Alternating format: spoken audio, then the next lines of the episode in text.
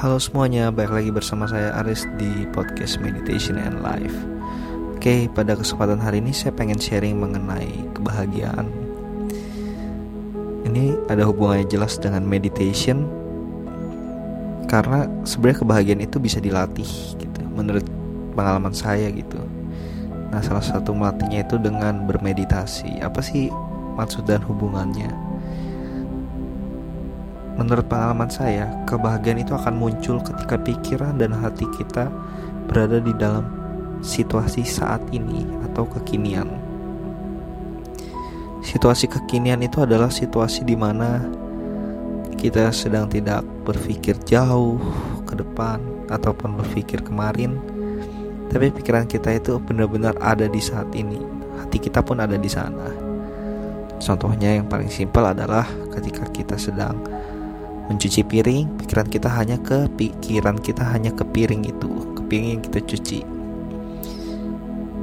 Nah itu adalah hal simpel. Sebenarnya meditasi itu ada di kehidupan sehari-hari gitu. Ketika pikiran kita berada di dalam kekinian sebenarnya di sanalah meditasi kita itu sebenarnya sedang terlaksana gitu. Batin kita sedang masuk ke dalam meditasi.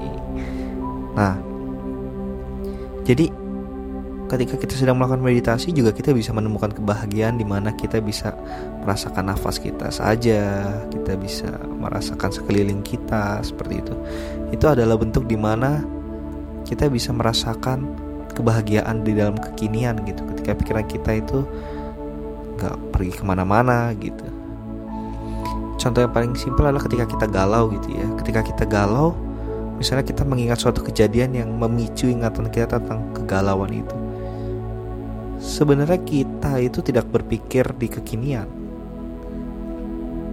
Padahal ketika kita melihat realita itu apa adanya, kita itu bisa terlepas dari kegalauan. Misalnya, setiap kita melihat handphone, kita ingat mantan pacar gitu ya.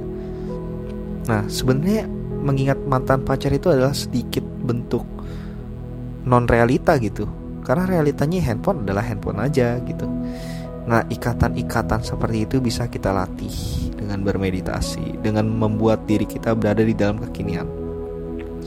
Uh, sekedar sharing sih sebenarnya nggak hanya meditasi ya.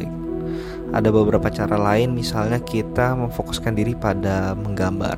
Nah, kalau ini pengalaman pribadi banget, ketika saya merasa uh, galau gitu di dalam kehidupan saya gitu, pikiran saya ke mana-mana, worry sini, worry sana saya menemukan bahwa ketika saya menggambar sesuatu pikiran saya itu ada di setiap goresan yang saya lakukan. Nah, itu ada juga salah satu bentuk meditatif sebenarnya, meditasi sebenarnya.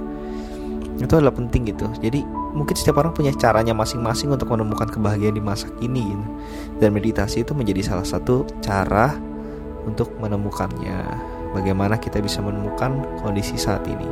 Nah, bagaimana sih dengan misalnya di dalam kondisi pandemi seperti sekarang ini gitu ya kita merasakan kesulitan dari segi keuangan. Oh, tentu kita memiliki kebahagiaan saat ini belum tentu membuat uang kita itu tiba-tiba bertambah di dompet gitu ya. Tetapi itu menjadi suatu titik seimbang gitu. Ketika kita bisa menemukan kebahagiaan-kebahagiaan kecil di kehidupan sehari-hari, kita sadar bahwa hidup kita ini gak sepenuhnya buruk ketika kita sedang kesulitan di dalam keuangan atau finansial. Uh, jadi kebahagiaan yang kita temukan di dalam kekinian itu akan menjadi support bagi mental kita untuk menjalani kehidupan kita gitu dalam mengalami kesedihan atau penderitaan. Saya pikir ini sharing yang baik gitu khususnya di masa pandemi seperti ini ketika orang-orang harus melakukan kebiasaan yang berbeda dibandingkan hari-hari biasanya gitu. Nah, di sana mungkin kita bisa menemukan kebahagiaan di dalam kehidupan kita gitu yang mungkin ketika kita selalu mendambakan kehidupan di seperti sebelum pandemi ini kita selalu mendambakan sesuatu. Nah tetapi kita menemukan bahwa kebahagiaan kita itu ada di saat ini. Ketika kita ada di rumah kita menemukan kebahagiaan kita sendiri. Apa pun itu bisa berbagai macam.